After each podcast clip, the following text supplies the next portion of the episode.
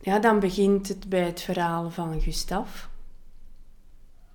waar dan mijn zoontje gestorven is. En uh, als je mij vraagt wat heb je dan los te laten, um, daar heb ik geleerd um,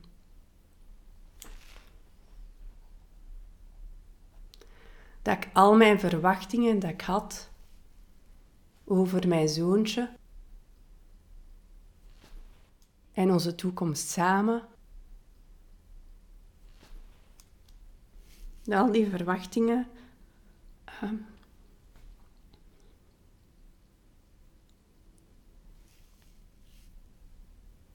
kan je, kan je iets zeggen over hoe oud hij was? Ja. Gustav heeft um, één, één dag geleefd. Um, ik was um, samen met Steven vier jaar bezig. Of we hadden alles gedaan om zwanger te kunnen worden. Ik vind dat belangrijk. Ons, um, ons Judith is geboren en dat is heel spontaan uh, gegaan. En mijn, mijn droom als klein meisje was altijd van uh, veel kinderen te kunnen hebben. Allee, veel, drie. um, en dan wouden wij zwanger zijn van ons tweede kindje. En dat proces is heel moeilijk verlopen. Hè. Um, en dat is een heel intens proces geweest. Want iedereen zei me altijd, Katrien, laat dat los en je zult zwanger worden. En ik dacht altijd, maar hoe doe je dat? Uw kinderwens loslaten. Hoe doe je dat? Want de kinderwens als mama is, of ik had die toch zo sterk. En ik vond dat zo gemakkelijk dat iedereen mij zei, laat dat los en je zult zwanger worden. En ik dacht, ik kan dat niet faken. Ik kan, die, ik kan dat niet faken dat ik dat loslaat. En ik ben daar heel diep moeten gaan. Want, en ik heb dat gelost. Uh, en op het moment dat ik aan mijn gynaecoloog zei van... We zijn al zo lang bezig. Hè, ik ben helemaal geen jonge mama niet meer. Uh, misschien heb ik te stoppen. Heeft hij gezegd, doe, doe nog even door. We waren met IVF bezig. Um, ik heb mijn lichaam volgespoten met hormonen om, om zwanger te kunnen zijn. En dan waren wij uiteindelijk zwanger. Hè. Eerst van een tweeling, omdat we twee embryo's hadden teruggeplaatst. Dat was dan een drieling geworden. Uh, dan is een tweeling gestopt met groeien op uh, tien weken. En dan is Gustav geboren. En dat was een hele mooie bevalling. Uh, dus dat was heel, heel mooi. En dan... Uh, wat later op de dag is dat beginnen kantelen. En 24 uur later hebben wij afscheid moeten pakken, is Gustav gestorven in mijn armen. En dat was zo onwezenlijk, omdat ik zo gevochten had voor Gustav. En je zei dan op je roze wolk en in één keer zei jij in je grootste nachtmerrie.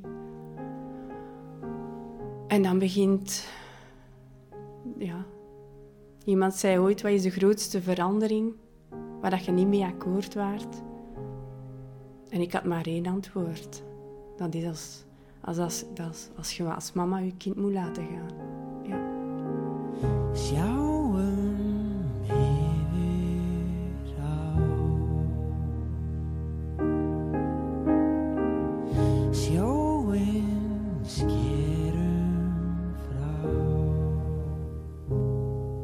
En dat woord loslaten, en daarom dat ik ook spreek over hechten en onthechten.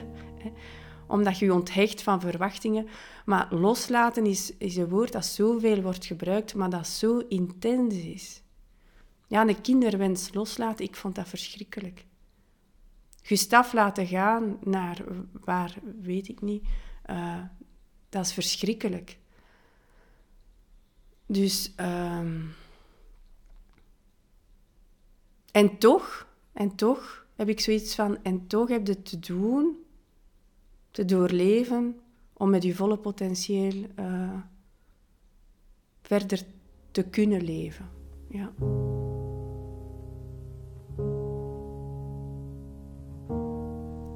En dus we zijn naar de gynaecoloog gegaan en ik had zoveel vragen.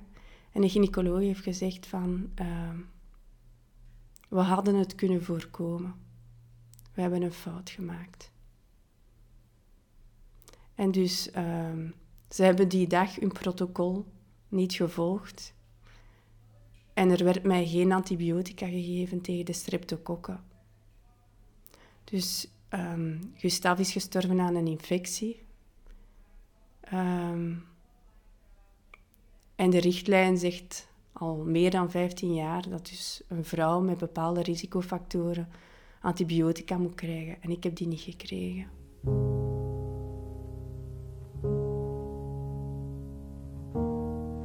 En dan ontploft dat weer in uw gezicht. Steven zei, hadden we dit willen weten? En ik zeg ja. Ik denk dat het belangrijk is dat je de waarheid kent. En dan is de vraag, wat doe je daarmee?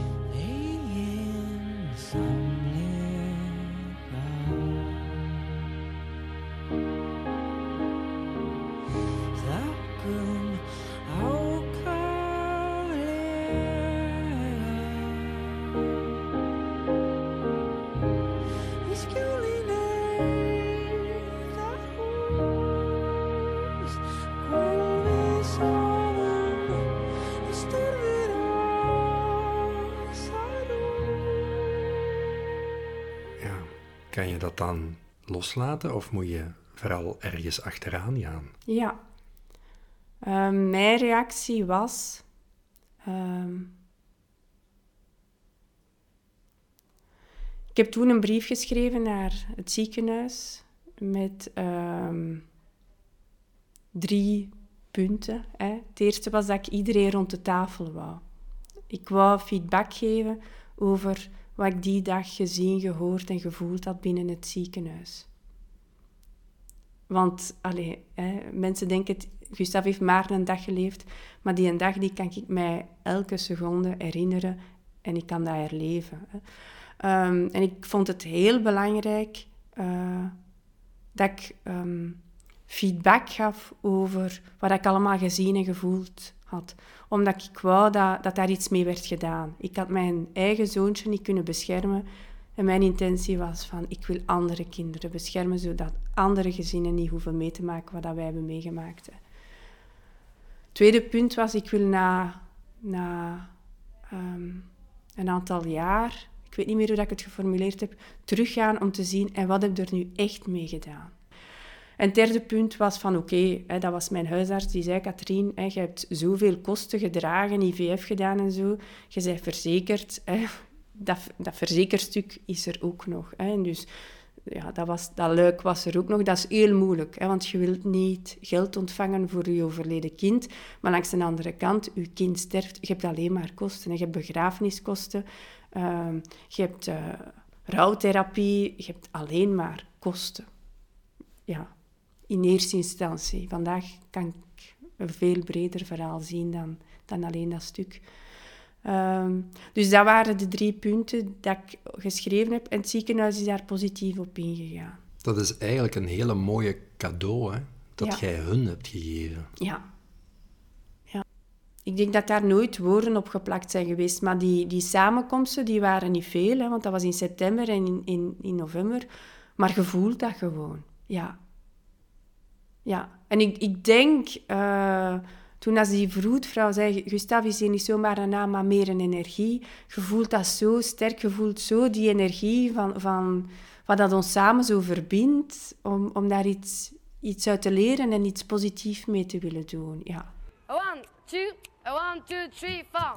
Je veux l'amour, de la joie, de la bonne humeur. C'est pas votre argent qui fera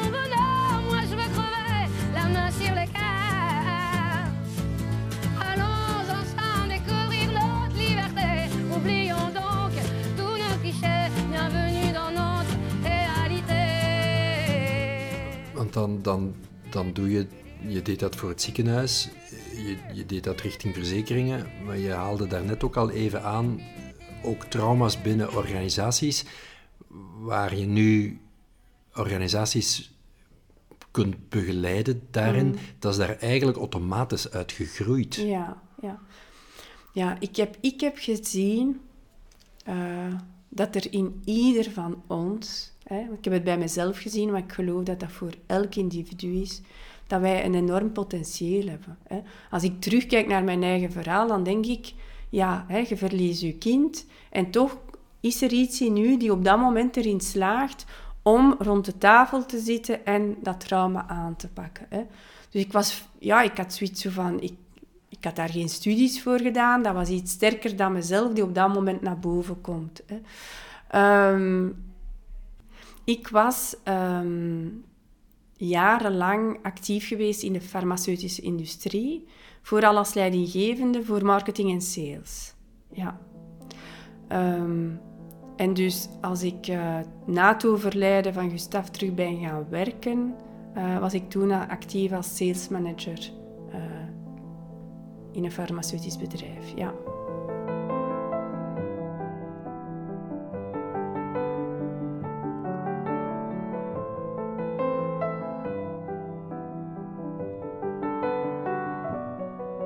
Vijf maanden na het overlijden van Gustav ben ik plots onverwacht spontaan zwanger van Leopold.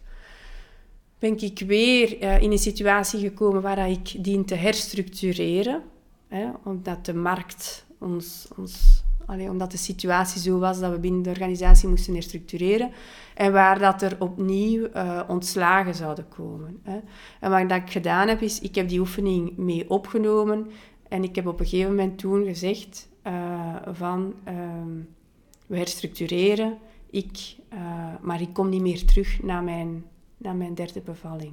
En dus na, na, na, het, uh, na de geboorte van Leopold.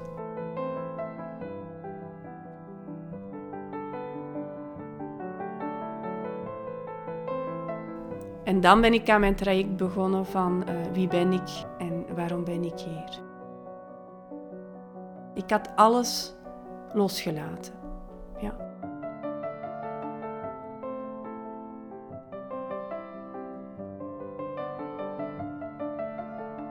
Door mijn persoonlijke rouwproces had ik mogen zien en voelen van amai, het is verdomme moeilijk vandaag in onze maatschappij om rouwen, uw berouw toe te laten. Wat, zegt de richtlijn bij de huisartsen? Dat is na zes maanden rouwen, wordt op antidepressiva gezet. Hè, want we kunnen, daar, we, we, kunnen daar niet meer mee omgaan. Hè. Um, dus dat was op zich al een intens proces. En als ik dan terugkeek, wat zag ik van in die 15 jaar businesservaring dat ik gedaan had, was ik met marketing en sales bezig, maar eigenlijk de rode draad in gans mijn verhaal was dat ik altijd met herstructureringen werd geconfronteerd. Mijn eerste job dat ik ben begonnen, is begonnen met een grote herstructurering. Ik besefte dat toen niet, hè, maar ik dacht altijd van, amai, jij hebt bedrijfsovernames gekend. Hè.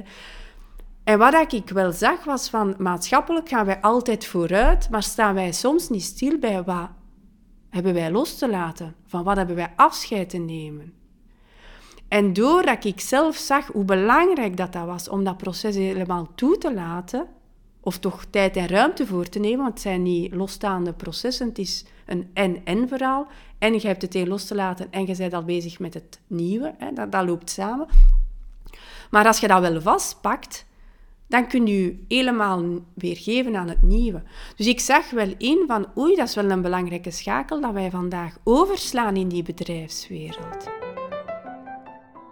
En met dat inzicht was het voor mij belangrijk om terug te willen gaan naar de bedrijfswereld en mijn ervaring en mijn expertise daarin in te zetten.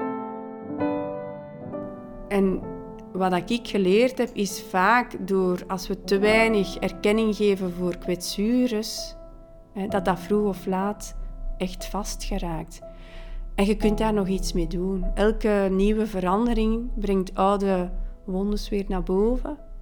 Allee, zo kijk ik daarnaar en bieden een kans om geheel te worden.